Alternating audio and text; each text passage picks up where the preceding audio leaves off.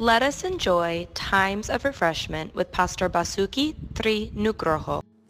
Shalom, Yakobus 1 ayat 5. Tetapi apabila di antara kamu ada yang kekurangan hikmat, hendaklah ia memintakannya kepada Allah, yang memberikan kepada semua orang dengan murah hati dan dengan tidak membangkit-bangkit, maka hal itu akan diberikan kepadanya.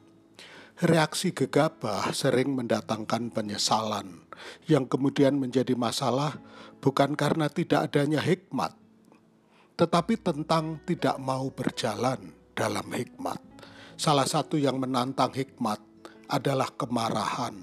Saat emosi kemarahan menguasai hati, maka hikmat sedang mendapatkan tantangannya untuk digunakan atau ditinggalkan.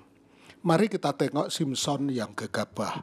Terlena dengan bujuk rayu Delilah, ia lebih memilih kemarahan daripada hikmat.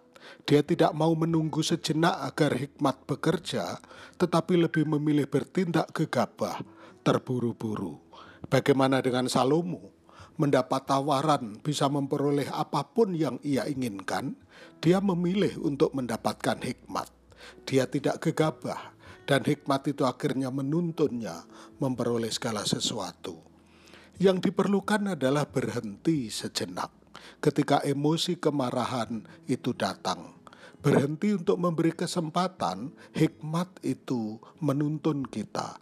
Daud yang bijak menyarankan dalam Mazmur 4 ayat 5, Biarlah kamu marah, tetapi jangan berbuat dosa. Berkata-katalah dalam hatimu di tempat tidurmu, tetapi tetaplah diam.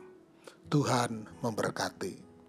Untuk info pelayanan lebih lanjut, hubungi GBI Grace Community Center Makassar di nomor 081 343 625 334. Tuhan memberkati.